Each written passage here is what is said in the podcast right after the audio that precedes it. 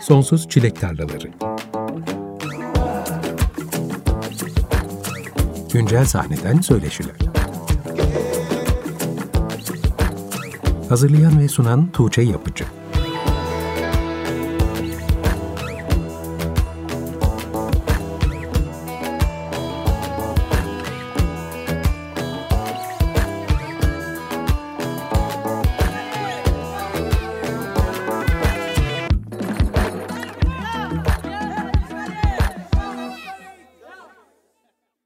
Açık Radyo'da Sonsuz Çilek Tarlalarından herkese iyi akşamlar. Ben Tuğçe Yapıcı. Programı The Ringo Jets'in Black Sheep parçasıyla açtık. Sonsuz Çilek Tarlalarının geçen haftaki bölümünde Serin grubuyla beraberdik. Rock band formunda müzik üretmekte kararlı olan bir ekiple bugünün şartlarında dinleyicinin rock müziği algılama biçimleri üzerine birazcık birlikte kafa yormuştuk. Bu akşamsa rock'n'roll'un biraz daha sert sularına doğru yelken açacağız. The Ringo Jets ve eskiz gruplarından tanıdığımız Deniz Ağam bizimle birlikte. Hoş geldin Deniz. Hoş bulduk, merhabalar. İnanılması güç ama bunca senedir ilk söyleşimiz olacak Deniz'le. Ben de son iki günü ilk doz aşının ardından yüksek ateşle geçirdim. Biraz onun yorgunluğu var üzerimde. Sürçülisan edersem affola baştan söylemek istedim. Ama başka bir açıdan bakarsak rock'n'roll ateşinden bahsetmeye de gayet uygun bir haldeyim. Hakikaten de ateşli bir gündemimiz var bu akşam. Deniz Ağa'nın üyesi olduğu iki grubunda bu ay içerisinde taze EP'leri yayınlandı. The Ringo Jets'in Unlimited Launchback EP'si 11 Haziran'da, Eskiz'in zamanı geldi ise 18 Haziran'da dijital platformlardaki yerini aldı. Bu akşam Deniz Ağan'la bu iki albümden de konuşacağız ve umuyorum ki bir araya gelmediğimiz senelerinde acısını çıkartacağız. Ama her şeyden önce nasılsın Deniz? Yoğun ve koşuşturmalı günlerden geçiyorsun sanırım. Tantana Stüdyo'da hareketli bir dönemin ortasındasınız galiba. Evet evet öyle oldu. Bu pandemi olayı tabii ki her şeye nüfuz etti, her şeyi etkiledi. Bizim stüdyomuzu da yani dolaylı bir etkisi oldu. Binanın kalanı çalışmıyordu Orada bir takım gelişmeler oldu. İşte güçlendirme çalışması yapılmasına karar verildi. Ama onu bize çok geç haber verdiler. Bir anda şey gibi oldu. Yani burayı boşaltmamız gerekiyor. Önce öyle bir zorlukla savaşmak durumunda kaldık. Neyse her şeyi ayarladık, çözdük. Taşınacağımız yeri bulduk. Şimdi de oranın yapımıyla uğraşıyorum. Bir an önce bitirmek istiyoruz ki çünkü zaten biliyorsun hani bu konsersiz geçen zaman içinde tek teselli e, stüdyoda olmak oluyordu. Şimdi o da olmayınca biraz yıpratıcı oldu ama az kaldı. Pandemi döneminde stüdyoda hayat hareketli miydi yoksa pek de aktif kullanılmadığı dönemler yaşandı mı? Aslında bizim stüdyomuzun durumu şu. Kendi işlerimizi de orada yapıyoruz. Biz kendi açımızdan olabildiğince aktif kalmaya çalıştık. Bahsetmek istediğim şey oydu. Yani bizim için teselli kısmı oydu. Yine tabii ki şimdi yasağı var, işte kapanması var falan. İster istemez gidemediğin zaman oluyor ama gitme fırsatı buldukça biz gitmeye çalıştık. Onun dışında stüdyonun kendi işlerliği açısından diğer müşterilere tabii ki azalma, aksama oldu ister istemez. Tantana Stüdyo'da sürekli olarak kimler çalışıyor? Hangi grupların evi orası? En şey kalanlar şu anda Eskiz, Ringo Jets ve Ati ve Aşk Üçgeni diyebilirim. Yani çok daha fazla grupla başlamıştık. Şu anda daimi üyeler, sürekli orada olanlar bunlar. İki tane aktif grubu olan bir müzisyen olarak son bir buçuk sene hem senin için hem de Ringo Jets ve Eskiz için nasıl geçti? Bir araya gelmekte ve üretmekte zorluk yaşadınız mı grup olarak? Üretmekte yaşamadık. Aksine e, çünkü işte normal zamanlar, normal koşullar altında sürekli bir planın, programın içinde yuvarlanıp gidiyorsun. İki grubun olunca da ister istemez tabii daha yoğun oluyor. Yani şöyle söyleyeyim, çok fazla konser veren gruplar değildi ikisi de belki. Ama sürekli bir plan, sürekli bir işte şimdi şunu kaydediyoruz, sonra konser oluyor, onu yapıyorsun, bunları çalışıyorsun. Şey bir müzik yani sürekli sıkı kalmayı gerektiriyor, formda olmanı gerektiriyor. Hale çok yoğun bir tempo vardı. Konser kısmı işin içinden çıkınca ve plan programları ertelenince o oluşan boşlukta bir anda sadece üretime odaklandığın bir an kalmış oldu. O açıdan iyi oldu. Hani kendimizi biraz daha keşfettik. Neyi nasıl yapabileceğimizi biraz daha derinlemesine gördük. Şarkı yazımı için bizim için olumlu bir zaman oldu mesela. Şarkı yazımında geliştiğimizi düşünüyorum yani bundan sonra çıkacak şarkılarda. Bunu umarım göreceksiniz öyle bir şey hissediyorum. Onun dışında bir araya gelmekte de, dediğim gibi zorlandığımız zamanlar oldu tabii. Kapanmalar ve yasaklardan ötürü. Elimizden geleni yaptık. Değil. Aslında çok fazla konser veren gruplar değiliz dedin ama dışarıdan görünen de çok fazla yurt dışı konserleriniz olduydu. Ziget'ten Primavera'ya dünyanın en büyük festivallerinde Avrupa'nın pek çok şehrinde çaldınız bugüne kadar. Pandeminin yarattığı uzun ara özellikle sizin gibi hızını almış ilerleyen gruplar için beni biraz ürkütüyor. Evet. Sene başında Reptilians from Andromeda'yı konuk ettiğim zaman bu konuyu onlarla da konuşmuştuk. Onlar da bolca yurt dışı turnelerine çıkan bir grup. Sektördeki herkesin kendi derdine düştüğü ve tabiri caizse biraz da kabuğuna çekildiği bu dönemin ardından o önceden kurulan bağlantıları canlandırmak, aynı hareketliliği yakalamak mümkün olacak mı diye ben biraz endişeleniyorum. Gerçi siz artık Ringo Jets'le 10 seneyi devirmiş bir grupsunuz ama yine de bu uzun ara sizde de benzer kaygılar yaratıyor mu? Belki başlangıçta olmuş olabilir. Hiçbirimizin e, tecrübe etmediği bir durum olduğu için. Başta o kaygı, panik, şimdi ne yapacağız? Belki olmuş olabilir. Tam ruh halimi veya ruh halimizi hatırlayamıyorum o dönem için ama sonrasında yavaş yavaş şeyi fark ettik aslına bakarsan. Hem Ringo için hem Eskiz için. Zaten bu tarz bir müzik yapıp 10 sene boyunca ya da 10 yıl aşkın süre boyunca birlikte kalmak ve devam edebilmek, onu başarmak başlı başına bir şeymiş. Onun ne kadar önemli olduğunu, güzel olduğunu gördük tekrar tekrar ve diğer şeyleri düşünmemeye başlıyorsun. Yani zaten hayatımız direnmekle geçtiği için yani o bağlar, o ilişkiler yine kurulur, başka fırsatlar gelir, yeni bir dünya kurulur ne bileyim biraz umutla bakıyoruz. Biz beraber olduğumuz sürece hani yan yana olduğumuz birbirimize destek verdiğimiz sürece yeni bir adım atma gücünü buluyoruz. Geçen hafta Serin'le de konuştuk. Melih Balta şöyle bir şeyden bahsetti. Aslında dedi son dönemlerde artık çok da tercih edilen bir sound'umuz yok. Hı hı. Yani dinleyicinin tercih ettiği şey için biraz belki sert kalıyor olabilir. Gitar müziği, rock band formatı, işte distortionlar çok da aslında kulağa alışık değil yeni neslin bunları ama belki sebat edersek bu alanda yanımıza başkaları da eklenir ve zaman içinde dinleyiciler buna tekrar alışmaya başlarlar gibi bir şey söyledi. Siz de bu anlamda zorluklar yaşamışsınızdır bunca senede herhalde dinleyiciye ulaşmakta. Tabii yani şöyle aslında biraz bakınca 2010-2020 arası rock müziğin gerçekten zorlu bir 10 Zor zamanları.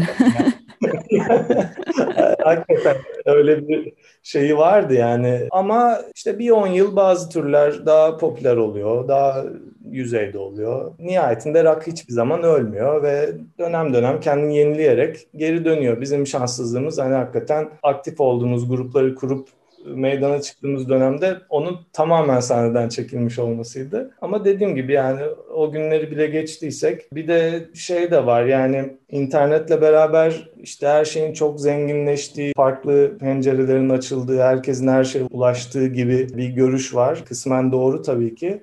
Ama bir yandan da her yerde bir tekelleşme de var yani platformlar bazında, festivaller bazında. Dinleyici mi gerçekten kendi zevkini oluşturdu yoksa sektör mü bir şeyi dayatmaya başladı böyle algoritmanın arkasına sığınıp yani orada bir tavuk yumurta bir garip durum var. İşte belki pandemide bir ara verilmiş oldu her şeye. Umarım sıfırdan taze bir başlangıç olur. Bir sürü insan neyi özlediğini, neyi istediğini, sevdiğini tekrar fark etmiş oldu. Biz dahil yani grup üyeleri olarak. Yaptığımız EP'lerden de belki belli oluyordur. Yani kafa karışıklığımız. o yüzden e, tekrar bu müziğin de kendi alan bulmasını umuyorum, bulacağını da düşünüyorum. 2000'lerde Türkiye'de çok fazla rock metal konserleri olurdu. Yabancı gruplar sürekli gelirdi, festivaller olurdu. Ben de çoğuna katılırdım. Ama 2010'larda tekrar daha azalarak da olsa bu konserler, festivaller gerçekleştiğinde yaş grubunun, yaş ortalamasının giderek yükseldiğini gördüm. Yani genç kuşaktan herhalde o kadar da fazla öfkelerini o şekilde boşaltmayı tercih etmiyor insanlar artık. Bu çok dikkatimi çeken bir şey oldu. Şimdi daha çok rap konserlerinde görüyoruz çok düşük yaş grubunu. Evet, doğru. Yani uzun süredir öyle ama işte bilmiyorum her şey hızlı değişiyor. Yani son 5 yıldır evet bir genç kuşak geldi. Şimdi belki yeni bir kuşak geliyor. Yani şu an 15 yaşında olan birinin ne dinlediğini kim ne kadar biliyor bilmiyorum. Yani takip etmeye çalışıyorum hani yer altında olan şeyleri. Mesela Türkiye'de İstanbul'da punk sahnesinde bence ciddi güzel şeyler oldu. Çok fazla grup çıktı ve, ve gençler hakikaten gençler ve işte söylediğin şey öfkelerini o müzikle yansıtıyorlar. Çoğu zaman da gayet mizahi, eğlenceli bir dille ve şeyleri çok hoşuma gitmişti yani tavırları, duruşları, birbirini desteklemeleri. Öyle şeyler de oluyor. Dediğim gibi biraz daha alan bulacağını kendine düşünüyorum. Yani gitar müziğinin. Enerjinin gitarla dışa vurulduğu müziklerin diyeyim. Sesin daha açık olduğu, daha enerjik şeyler. Şimdi o zaman enerjimizi gitarla dışa vuracağımız bir parça dinleyelim. The Ringo Jets'in 11 Haziran'da yayınlanan Unlimited Lunch Pack adlı EP'sinden Fool's Crown dinleyelim. Ardından bu EP'den biraz bahsedelim. 95.0 Açık Radyo'da Sonsuz Çilek Tarlaları programı devam ediyor. Programın başında da bahsettiğimiz üzere The Ringo Jets 11 Haziran'da Unlimited Lunch Pack adlı EP'yi yayınladı. Biz de şimdi bu albümden Fool's Crown adlı parçayı dinledik. The Launchpad aslında The Ringo Jets'in 2012'de yayınlanan ilk fiziksel EP'si diyebiliyorum. Evet. O yıl Babylon'daki bir konserde bu albümün fiziksel kopyalarını dağıtıyorsunuz ama dijital platformlarda ilk defa yayınlanmış oldu şimdi. Hem de yeni mix ve masteringleriyle. Neden şimdi? Neden şimdi? Evet. yani şöyle demin bahsettiğim şeylerle ilgili aslında. Yani bizim işte bir arada kalmamız ve her şey yeniden başlıyormuş gibi hissetmemiz bir yandan. Yani değişik duygusal bir tarafı oldu yani bizim için bu sürecin. Ve şeyi de hakikaten fark ettik. Rock'n'roll'un böyle saf halini ve bizim onu iki gitar bir davul böyle çok katıksız bir şekilde yapıyor e, halimizi ne kadar özlediğimizi, ondan ne kadar eğlendiğimizi. Çünkü şey çok fazla biz de yerlere daldık. Şimdi onu 10 sene önce onu yaptıktan sonra ilk albümümüzü yaptık. İkisi de çok net işte garaj rock albümleriydi. Ve tam da bahsettiğim döneme geliyor. Biz onları yaptığımız zamanlarda işte rock müzikte güya işte ölüyordu dünyada falan. yani bizim çok umurumuzda değildi. Ama şöyle bir şey oldu. Biz başka neler yapabiliriz? Bir yandan onları da düşündük. Çünkü dinlediğimiz, sevdiğimiz çok fazla tarz var. Yani biz şey değiliz. Sadece rock dinliyoruz ve onu yapıyoruz. Zaten değildik. Haliyle müziğimizde böyle arayışlar oldu. Ve dediğim gibi böyle bazen işin nereye gittiğini, ne yaptığını içeriden göremediğin zamanlar oluyor. O rutin içinde. O konser, kayıt, koşturma, plan, program rutini içinde. Şimdi böyle işte kapanmalardan sonra haliyle oturup evde düşünüyorsun uzun uzun. Ve işte biz bir araya gelemedik bir süre. Ondan sonra gördük ki hani ya bu ne kadar güzel bir şeydi. Şimdi hazır her şey yeniden başlıyor gibiyken o enerjiyle gerçekten şöyle rock'n'roll bir şeyler yapalım. Ama stüdyoya girip onu yapmak da bir zaman alıyor. Bir yandan bunu çok geciktirmeden bir şeyler sunmak istedik. O sırada bu fikir bizim menajerimiz ve plak şirketimizden geldi. Hiç dijitalde olmadığı için tam bu şeye uyuyor. Hani bizim paylaşmak istediğimiz anlatmak istediğimiz duruma uyuyor. Neden o olmasın diye. Bizim de aklımıza yattı. O dönem dediğin gibi biz kendimiz hazırlamıştık ve elimizle dağıtmıştık. Herhalde 100 tane falandı. Adı da o yüzden Limited'tı. Şimdi de dedik artık sınırsız bir şekilde bu müziği hem bizi bugüne kadar yine bizimle olan fanlarımıza da dinleyicilerimize de bir teşekkür mahiyetinde sunalım ve yeni dönemi de başlatalım gibi bir, bir şeylerle yani. Unlimited Hunchback'i ipi olarak bu sefer dijitale koyduk. 2019 Aralık'ta Yadigar EP yayınlandı. Bu albümle birlikte Ferment Records'la çalışmaya başladınız. İlk kez Türkçe sözlü bir Ringo Jazz parçası olan Yadigar Ejderi yazdınız. Hem sound hem de yönetimsel değişiklikler anlamında The Ringo Jazz için yeniliklerle dolu yeni bir dönem gibi görünmüştü bana o zaman dışarıdan. Sizin cephenizde yeni bir dönem veya yeni arayışlardan bahsetmek mümkün mü yoksa yeni bir dönem olarak yorumlamaktansa her şeyin kendi akışında devam ettiği The Ringo Jazz'in doğal evriminde gelişen bir süreç miydi bu? Evet doğal buluyorum buluyorum. Öyle söyleyeyim. Do- doğal evriminde gelişen bir şey olduğunu söyleyebilirim. Sadece işte zamanlamalar bazen e, yani Time and Records Can Sertoğlu menajerimiz olarak bizi cesaretlendirmeseydi belki Türkçe şarkılara daha geç girecektik. Ama o işte bir önceki albümde de vardı e, bizim öyle bir isteğimiz mesela. Türkçe bir şey de artık yapalım neden olmasın deneyelim. Orada Can'ın bu sefer desteklemesi, iteklemesi o, o yöne doğru bize de cesaret verdi belki. Ve 2019'da yapmış olduk. Devamının geleceğini de gördük. Ya geçmek zordu asıl olarak. O güne kadar hiç Türkçe, ya Türkçe bir şey yapmayınca yani ilginç oluyor. Niye ilginç oluyor? Ben yani Türkçe şarkılar yaptım başka projelerde, başka gruplarda. Ama Ringo Jets adı altında bir şey ilk kez yapıyor olmak böyle bizde biraz hani belki şey oldu. Biraz baskı haline de gelmişti o dönem. Ama o da kırılmış oldu ve şimdi önümüzde hakikaten bir alan açıldı. Onu da kullanmak istiyoruz. Bayağı bir şarkı ürettik bu dönemde. Birçoğu İngilizce, birçoğu Türkçe. Enstrümantaller var. Büyük bir albüm gelebilir. Her şeyin olduğu, Türkçelerin, İngilizcelerin. Öyle bir şey yapmak istiyoruz. Bilmiyorum nereye gider şimdiden hani ben çerçevesini çizmeyeyim ama doğal yolu bu oldu. Buraya geldi konu şu anda. Benim kendi arkadaşlarım arasında da gördüğüm Ringo Jazz'in yabancı bir grup zannedildiği bir dönem vardı. evet, evet. Sizin sizin bir konseriniz sanki işte yurt dışından geliyormuşsunuz gibi işte Ringo Jazz geliyor gibi yorumlanabiliyordu. Ringo Jazz'in Avrupa'da Türkiye'de olduğundan daha çok tanındığı gibi bir algı var. Gerçekten öyle mi? Dinleyicilerinizin büyük çoğunluğu oralarda mı yoksa burada mı? Yani kimi bölgelerde doğrulanıyor o, o mit. Yani bazı bölgelerde Danimarka'da mesela. Ama şey genele bakınca hani sayıya bakınca tabii ki buradaki dinleyicimiz daha çok. Onlarla da İngilizce müzik yaparken hani bir bağ kurma sorunu yaşamadık. Ama kendi dilinde bir şeyler söylediğin zaman da dediğim gibi farklı kapılar açılıyor. Paylaşmanın, bir şeyleri anlatmanın daha değişik, güzel yolları da oluyor. Şimdi onları da kullanacağız yani. İlk albümden beri Muse ve Franz Ferdinand gibi isimlerle çalışan Grammy ödüllü prodüktör Tommaso Colliva ile birlikte çalışıyorsunuz. Yadigar EP'de de birlikte çalışmıştınız en son. Kendisinin nasıl dokunuşları oluyor Ringo Jazz'in müziğine? Stüdyoda geçirdiğiniz süreçleri merak ediyorum. Bir Ringo Jazz albümü nasıl süreçlerden geçiyor? Nasıl süreçlerden geçti? Şimdiye kadar önce bir stüdyoda bir araya geliyoruz. Kimimizin cebinde işte bir riff, bir melodi, bir, bir, bir, bir fikir olabiliyor. Sonra onun üstüne hep beraber giriyoruz. Sonra işte oradan biraz sıkılıp başka şeyler takılmaya başlayınca orada üçümüz bir an bir arada çalarken bir fikir daha gelmiş oluyor. Sonra bu fikirler çoğalıyor, çoğalıyor, çoğalıyor. Sonunda hadi bunu bir albüm haline getirelim diyoruz. Sonra biz o parçaları işte bir aşamaya getirdikten sonra da prodüktöre dinletiyoruz. Tomasso'nun o aşamada bence çok güzel etkisi oluyor. Yani şey zor zaten. Yani ben prodüktörle çalışmayı seviyorum. Onu anladım. Çünkü şey zor. Kendi işini yeterince dışarıdan bakarak değerlendirmek. Bazı müdahaleleri yapmak e, sana çok şey gelebiliyor. Yani o kadar uzun düşünüyorsun ki ki yani bunu buradan çıkarayım mı, bunu mu koyayım, bunu buraya koyarken şöyle düşünmüştüm bilmem ne. Seni tutan bir sürü ön fikir olabiliyor. Ama kendinden emin biri, senin müziğini seven, seninle iyi iletişim kuran, müziği iyi bilen, dinleyiciye ne sunulması gerektiğini kafasında oturtmuş, senin de güvendiğin biri gelip ya gelin şunu şuradan alalım ya da şunu koyalım dediği zaman bir rahatlama oluyor. Benim için oluyor yani. O işbirliğini seviyorum. Thomas sonunda şarkılarımızı daha rafine hale getirmesini hep sevdim açıkçası. Eksilttiği şeylerle veya eklediği şeylerle. Onun dışında nasıl ses alacağını çok iyi biliyor ve çok güçlü güçlü soundlar oluyor gerçekten. O konuda eli de kulağı da çok iyi. Müzisyen bir prodüktör de değil yani bir şey çalmıyor. O açıdan da çok değişik yaklaşımları var. O da ilginç bir, bir şey oluyor mesela. Bir enstrümanist diliyle konuşmuyorsun çünkü. Ama şey çok etkili. Ben seviyorum.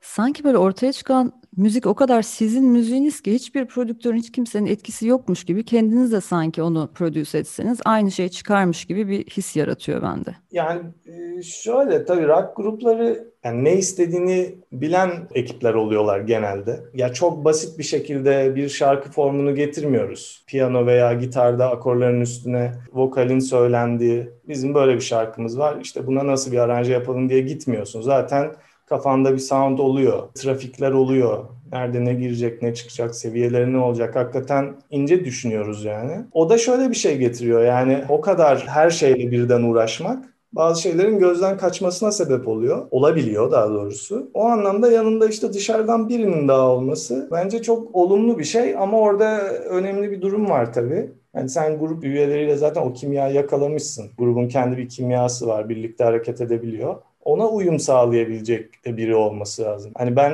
aksini yaşamadım ama tarihte çok örneği var. Öyle bir uyuşmazlık olursa da çok kötü sonuçlar çıkabiliyor yani. O da önemli bir kısım tabii. Ama biz evet bir yere kadar çok ciddi bir noktaya kadar hazırlamış oluyoruz her şeyi. Orada küçük dokunuşlar ki bazen çok büyük etkileri olabiliyor. Prodüktör onları yapıyor. Yani Ringo da böyle Dinleyici olarak bana verdiği his de buna yakın. O zaman şimdi Ringo Jazz sayfasını şimdilik kapatalım. Eskize geçeceğiz. Birazdan Eskiz'in yeni EP'sinden bahsedeceğiz. Şimdi o EP'den biraz öfkeli dinleyelim. Ardından biraz daha sohbet edeceğiz. Açık Radyo'da Sonsuz Çilek Tarlaları programı devam ediyor. Eskiz'in 3 parçadan oluşan Zamanı Geldi EP'si 18 Haziran'da yayınlandı. Henüz çok taze ve biz de bu albümden Biraz Öfkeli adlı parçayı dinledik. Geçen gün seni aradığımda elimizdeki eski kayıtları yayınlamaya karar verdik demiştim için bu parçaların kayıtları ne zaman gerçekleşmişti? Aslında bu üçlüden ikisi eski. Biraz Öfkeli ve senin için. Ama Biraz Öfkeli'nin hiçbir şey yayınlanmış kaydı zaten yoktu. Biz başından beri konserlerde çalıyorduk. Hatta bizim gerçekten en eski bestelerimizden biri. Yani sahneye çıktığımızda biz Eskiz'de ilk şeydik. Cover grubuyduk. Yavaş yavaş küçük küçük besteleri eklemeye başladık. Biz rock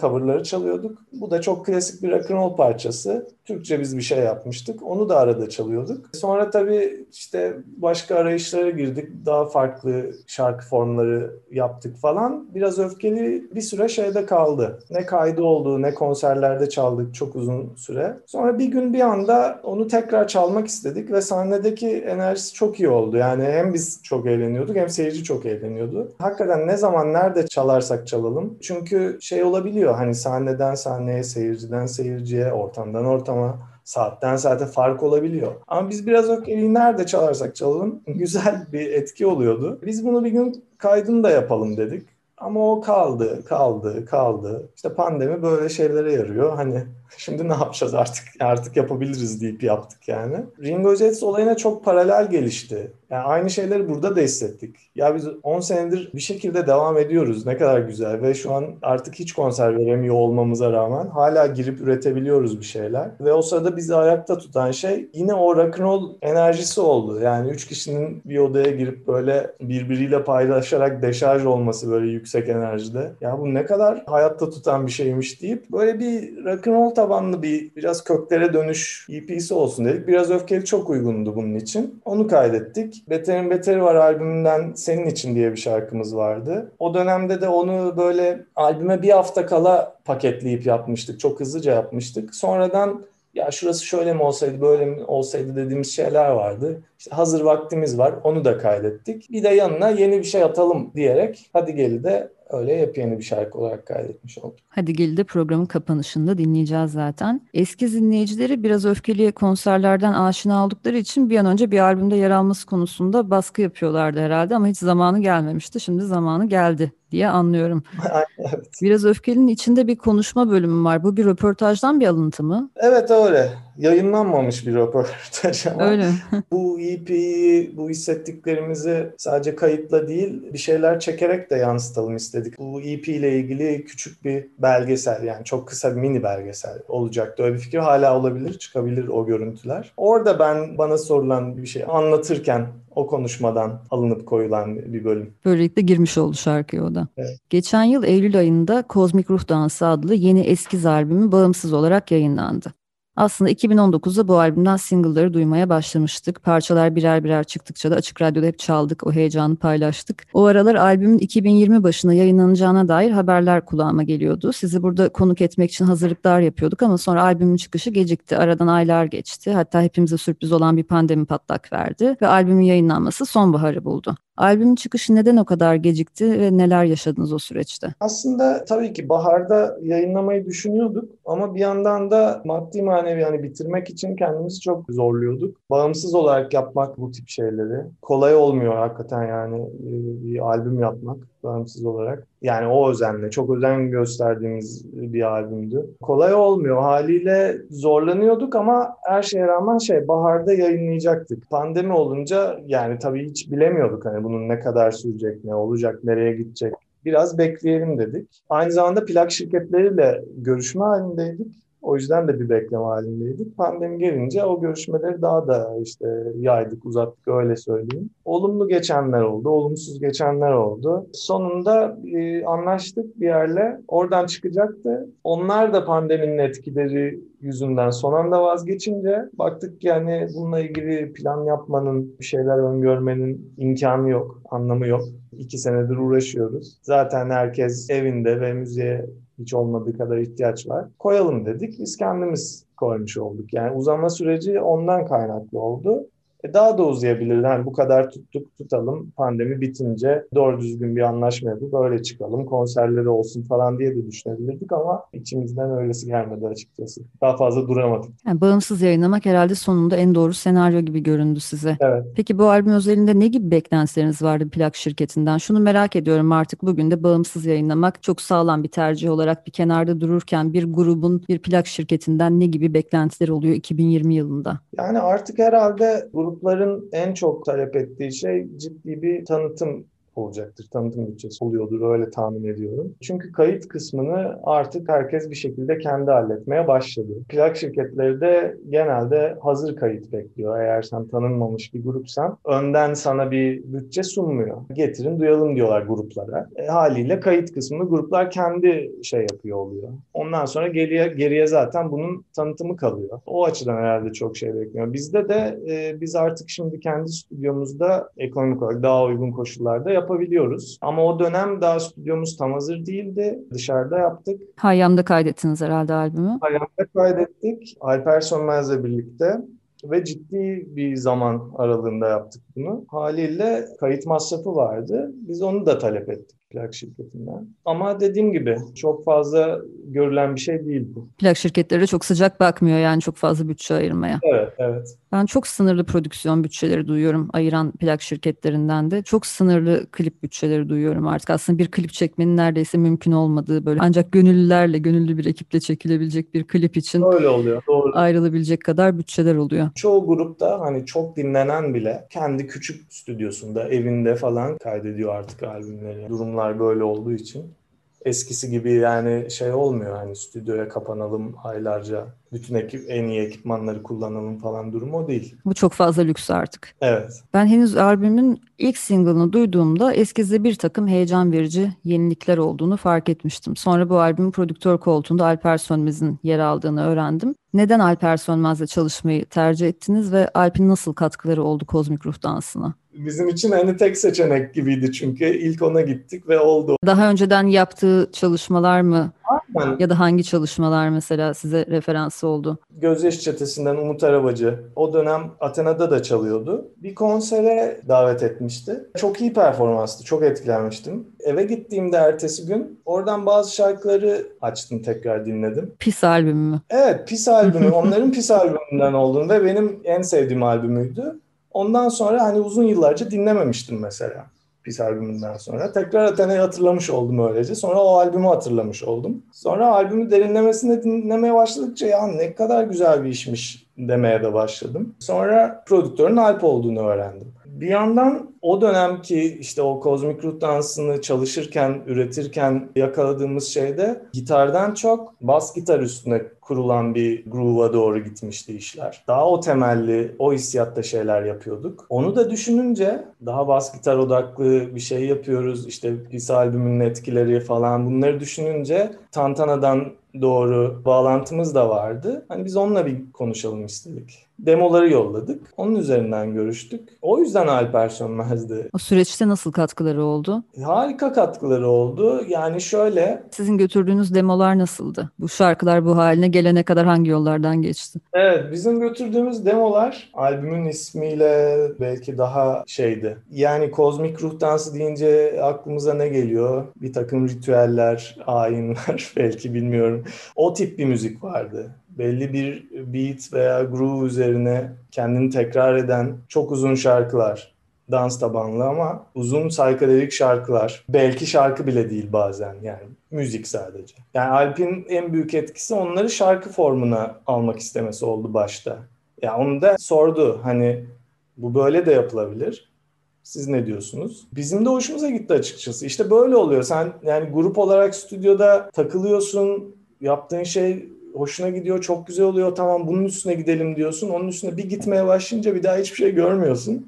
Bütün demo öyle çıktı. Sonra aslında şeyi fark ediyorsun yani çok basit yani şöyle tak diye bambaşka bir yola da gidilebilir. Ve o yol hoşumuza gitti açıkçası. Bunların yani 8 dakikalık şeyler işte 3 dakikaya indi. Aranjmanları değişti. Yani Alp'in çok büyük katkısı oldu. Şey gibi değildi. Küçük dokunuşlar değildi yani. Thomas Soringo ilişkisinden farklı olarak. Çok da iyi anlaştık. Ama bence en büyük etkisi şey oldu bizim açımızdan. Şarkı yazımımızın gelişmesi, ona odaklanmamızı sağlamak. Yani farklı bakmamızı, yani bir şeyleri farklı yapabileceğimize inandırması oldu.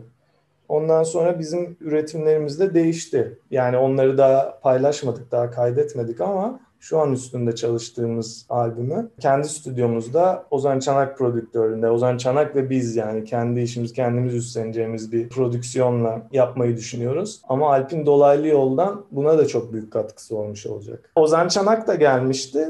Yani orada sadece şarkılara yaptığı işte düzenlemeler değil, hani prodüksiyona nasıl yaklaştığı onunla ilgili de çok şey öğrenmiş olduk bizi kendi prodüksiyonumuzu yapmaya da hazırlamış oldu aslında. Yani aslında sizin müziğinizi doğru anlayan ve sizin için farklı bir yola ışık tutabilen bir prodüktörle çalışmak yalnızca üzerinde çalıştığınız albüme değil, eskizin müziğine de genel anlamda etki edebiliyor. Böyle bir etkisi de oluyor aslında. Kesinlikle. Aynen öyle. Bu albümün yapım süreci de çok çok uzun herhalde. Yani yapım süreci derken şarkıların yazılmasından doğru başlarsak mesela albümdeki Aborjin'in türküsü benim herhalde albümdeki favorim olabilir. Geçen yıl sonunda da çalmış dinlemiştim onu. 2008'e dayanıyormuş galiba şarkının kökleri. Doğru, doğru. O yani her albümde olabiliyor böyle şeyler. Biz o dönem 2008'de Can'la evde Can'ın bir melodisinin üstüne böyle takılarak bulduğumuz bir şeydi, fikirdi. Çok hoşumuza gitmişti. Onu kaydettik. Orada durdu bir süre. Sonra ne zaman bir kayıt zamanı gelse bir albüm veya bir EP kaydedecek olsak onu oradan çıkarır bir bakardık. Bunu ne yapabiliriz? Çünkü Üstünde söz yoktu. Çok temel böyle fikirler vardı. Bunu nasıl bir şarkı haline getirebiliriz kısmını. Bir türlü olmuyordu. Öyle yaptık olmadı, böyle yaptık olmadı. Sonra bu, bu albüm için sonunda bir form bulduk. Sözler de geldi, melodi de geldi. İçimize sindi. Tamam dedik bunu yapalım. Demoda da vardı. Demodaki hali çok daha sade, basit, primitif bir şeydi. Bizim Bandcamp'te var o hali şu anda. Alp de onun üstüne harika bir aranje getirdi. Ritmini buldu. En eski parça o mu albümde? Aynen. O albümde en eski parça o. Diğerleri daha yeniydi e, tabii. O, o kadar eski bir şey yoktu. Çünkü biz hani o dönem yani yeni bir şeyler yapmanın peşinde olduğumuz bir şeydi zaten bir durumdaydık. E, stüdyoya girip uzun uzun beraber çalarak bulduğumuz şeylerdi hepsi. İçlerinden e, o öyle eskiden bulduğumuz sandıktan çıkardığımız bir şarkı. Tabii bir de daha önce Beter'in Beteri var albümüne enstrümanist olarak katkıda bulunan daha sonra sizinle birlikte sahnede sahne ekibinde yer alan Yasemin Özler'in bu defa Kozmik Ruh Dansı'nın yapım sürecine dahil olması da bir fark yaratmış. Yasemin artık Eskiz'in dördüncü üyesi oldu diyebiliyor muyuz? Aslında demek isterdik. Doğalında öyle gelişebilirdi. Çok da mutlu olurduk ama zor ya şey rock'n'roll grubuna kendini atamak. Yani Yasemin çok fazla projeyle meşgul haliyle çok içten bir şekilde hani o şeyi veremeyeceğini e, söyledi. O yüzden üçlü olarak devam ediyoruz ama Yasemin her zaman orada yani. Siz yine Can ve Uygar'la belki çok daha hızlı, belki bir telefonla hadi bir saat sonra buluşalım mı, çalalım mı şeklinde ilerliyor olabilirsiniz tabii. E, tabii, tabii. Kozmik Ruh Dansı konserlerde dinlemek için sabırsızlandığım bir albümdü. Maalesef pandeminin göbeğine düşünce henüz canlı dinleme şansı bulamadık ama 2020'de benim en çok dinlediğim albümlerden biri olduğunu da söylemeden geçemeyeceğim. Geç de olsa üzerine konuşabildiğimiz için çok mutluyum bugün. Evet. Öyleyse artık albümden albüme ismini veren parçayı dinleyelim mi Deniz? Dinleyelim. Başlasın artık. Eskizden Kozmik Ruh Dansı dinleyelim. Sonrasında kapanış bölümü için tekrar burada olacağız. 95.0 Açık Radyo'da Sonsuz Çilek Tarlaları'nın son bölümündeyiz. Eskiz'in geçen yıl yayınlanan Kozmik Ruh Dansı albümünden albümle aynı ismi taşıyan parçayı dinledik. Şimdi hazır çok taze EP çıkmışken yakın zamanda başka ne yapacaksınız diye sormak istemiyorum sizden başka neler duyacağız diye. Genelde bu müzisyenleri çok baskılayan, çok sıkıcı bir şey haline dönüşebiliyor ama az önce devamı gelecek dedin bana off the record kayıt arasında. O yüzden merak ediyorum eskizden yakın zamanda bir şeyler daha duyacağız herhalde. Evet evet çok ara açılmayacak bence. Bu sefer bazı görüşmelerimiz olacak. Kayıtları hani bu sefer kendimiz değil de bir işbirliğiyle çıkarabilir miyiz ona bakıyoruz açıkçası. Çünkü hakikaten tanıtım e, önemli bir hale geliyor yani çoğu zaman. Şarkılar hazır. Üç şarkı daha kaydedildi. Görüşmelere göre işte şimdi tarih veremiyorum ama hani yaz sonu olabilir. Elimizde kayıtlar var. Beklemede kalın diyorsun o zaman. Evet, evet, evet. Az önce sen de bahsettin. Eskizli 50'ler, 60'lar, 70'ler coverlarıyla aslında ilk defa çalmaya başlıyorsunuz. Başka röportajlarda enstrümanlarınızı birlikte çalarken aslında öğrendiğinizi de söylüyorsunuz. Alper Sönmez'i konuk ettiğimde kendisiyle de bir müzisyen için bir gruba dahil olmanın ne kadar öğretici bir süreç olduğundan bahsetmiştik. Sen de hep grup kültürünün içinde bulunmayı tercih etmiş bir müzisyen olduğun için sana da bu meseleyi özellikle sormak istedim. Bugün böyle bir grup ve sahne tecrübesinden hiç geçmeden direkt olarak kendi müziğini üretmeye başlayan bir nesil geliyor. Sence bu olumlu bir gelişme mi yoksa bir takım eksiklikler doğurabilir mi? Olumlu veya olumsuz diye bakamayacağım sanırım. Her şeyi kendi şartları içinde değerlendirmek en iyisi oluyor galiba. Yani onun güzel tarafları vardır muhakkak. Onun için öğretici tarafları vardır bizim mesela gözden kaçırdığımız ama on, sadece kendi başına evde bilgisayarıyla öğrenen bir gencin çok daha hızlı işine yarayacak şeyleri öğrenebilir. Ama bir yandan da işte çok fazla şeyden de mahrum kalmış olacak. Bu iş böyle. Yani birinin kendine göre iyi tarafları, kötü tarafları var. Diğerinin de öyle. Ben dediğim gibi hani şeyi tercih ettim hep. Pandemi sürecinde daha iyi anladım. Mutluyum yani bu tercihimden dolayı. İyi ki grup müziği yapmışım. Özellikle bu dönemde bunun duygusal etkisini de gördünüz herhalde. Belki psikolojik olarak birisi düştüğünde diğerlerinin onu kaldırması ve grup olarak yola devam etme psikolojisi çok ayrı bir şey. Kesinlikle, kesinlikle öyle. Çünkü çok yalnız hissedebiliyorsun yani müzik yapmak çoğu kişi için bu ülkede öyle oluyor. Duyulmamak, görülmemek, fark edilmemek. Belki grup olmayan bireysel bir sanatçı için mesela daha zordur. Onu bilmiyorum. Ama e, işte birlikte olmak sadece bu destek, yan yana olmak, omuz omuz vermek açısından değil, e, şey açısından da çok güzel. Hem güzel bir öğrenme şekli. Yani bir şeyi internetten değil de yanındaki özgün ve sevdiğin, hayran olduğun bir kişiden fark etmek, almak. Onunla beraber o meydan okumaya girip beraber öğrenmek. Ve nihayetinde müzik yaparken paslaşmak, o enerjiyi o anda yani niye sahnede insanlar işte çalarken bir an birbirlerine bakıp gülümserler falan. Yani orada çok başka şeyler hissediliyor. O da çok çok güzel bir şey. Orada dönen enerji için grup müziği yapmaya varım her zaman. Solo artistlerde daha fazla gördüğüm bir şey bir albüm yayınlıyorlar. Çok uzun zaman üzerinde tek başına çalışıyor. Özellikle işte prodüserler evde yatak odasına tek başına hazırlıyor bir albümü. Sonra onu yayınladığı zaman toplumsal gündem çok yoğun oluyor. Hiç kimsenin umrunda olmuyor. Tanıtım imkanları olmuyor. Bu iş için bütçesi olmuyor. Ve hiç dinlenmediği zaman bu çok yıkıcı bir etki yaratabiliyor tek başına müzik yapan bir insanın üzerinde. Ama bir grup olduğun zaman herhalde bu çok daha kolay aşılabilir birlikte. Birlikte üretmeye devam etmenin verdiği güç bence önemli bir şey bu noktada. Evet evet birbirine güç verme meselesi yani başka türlü bir şey ya bilmiyorum. Hayatını da kaydırabilir tabii belki hep beraber yanlış bir yere gidiyorsundur yani. Ama beraber yapmak güzel yani. Eski sizin için herhalde lise zamanlarında başlayan bir yolculuk değil mi? O zaman adı Eskiz olmasa bile grubun eski davulcusu Sedat Girgin'le birlikte ilk defa herhalde çalmaya başlıyorsunuz. Evet. Onca senedir o grup kültürünün içinde yer almak hatta liseden beri belki o zamanlara biraz dönersin. Bir müzisyen olarak orada yoğrulmak sana ne kattı? İşte evet benim için hani müzik ve arkadaşlık, dostluk hep bir arada olmuş oldu. Çok genel bir soru aslında ama belki şu an senin için de bir üzerine tekrar düşünme fırsatı oluyor. Evet, paylaşmak falan çok doğal bir refleks oldu. Belki müzikal anlamda daha uyumlu bir insan haline getiriyor. Belki çalışma disiplinini başkalarına karşı da sorumluluk hissederek daha iyi bir noktaya götürüyor olabilir müzisyen içinde. Tabii ki, tabii ki. Yani mesela ilk Ringo Jets olarak bir araya gel. Aslında Ringo Jets de değil. Ben mesela Lale ile ilk bir eskiz konserinde tanışmıştım. Onun da Eva diye bir grubu vardı. Önlü arkalı çıkıyorduk. Sonra yıllarca görüşmedik bizim program bittikten sonra. Yıllar sonra bir telefon geldi Lale'den. Dedi işte Kraker diye bir grup var. İkinci bir gitarist arıyor. Bunları bunları bunları çalıyor. Ne onlar işte Who, Kings, Rolling Stones, Beatles falan. Çalar mısın? Çalarım tabii dedim yani. Mesela oraya girdikten sonra çok fazla şey öğrendim Tarkan'la bir araya geldikten sonra mesela.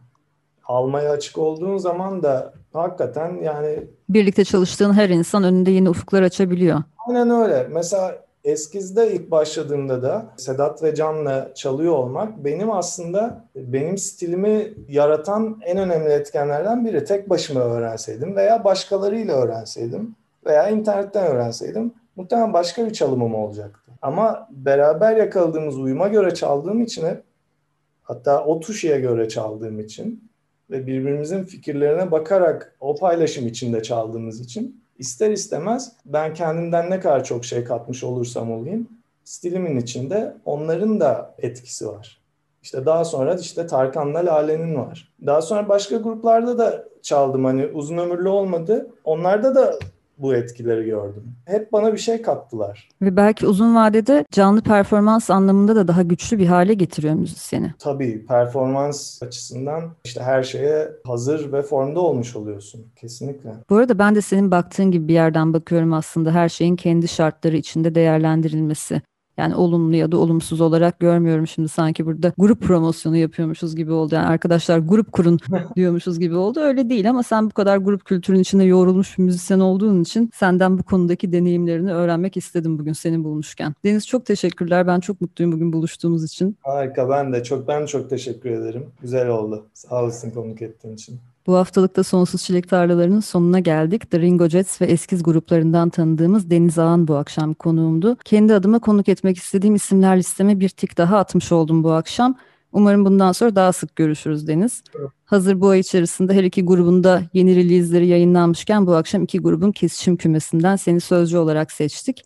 Ama hem Eskiz'in hem de Ringo Jets'in diğer üyelerine de buradan sevgilerimizi gönderelim. Evet. Gelecek hafta yine konuk listemde senelerdir yazılı duran bir isme tik atacağım. Boğaziçi Caz Korosu'nun şefi olarak tanıdığımız çok sayıda başka koronun da şefliğini ve sanat yönetmenliğini yapan Masis Aram Gözbek konuğum olacak. Masis'le yönettiği koroların çalışmalarını konuşacağız. Pandemi döneminde koroların bir araya gelip çalışmalarını sürdürmesi çok zordu bildiğiniz üzere. Son bir buçuk senede nasıl deneyimler yaşadıklarını kendi adıma çok merak ediyorum. O yüzden gelecek hafta Masis Aram Gözbek'le buluşacağız ve tüm merak ettiklerimi kendisine soracağım. Son olarak Eskiz'den Hadi Gel adlı parçayla sizlere veda ediyoruz. Zamanı geldi EP'sinde az önce konuştuğumuz EP'de yer alan parçalardan biri. Hatta en yeni parça bu EP'deki. Gelecek pazartesi saat 20'de Açık Radyo'da buluşuncaya kadar hoşçakalın.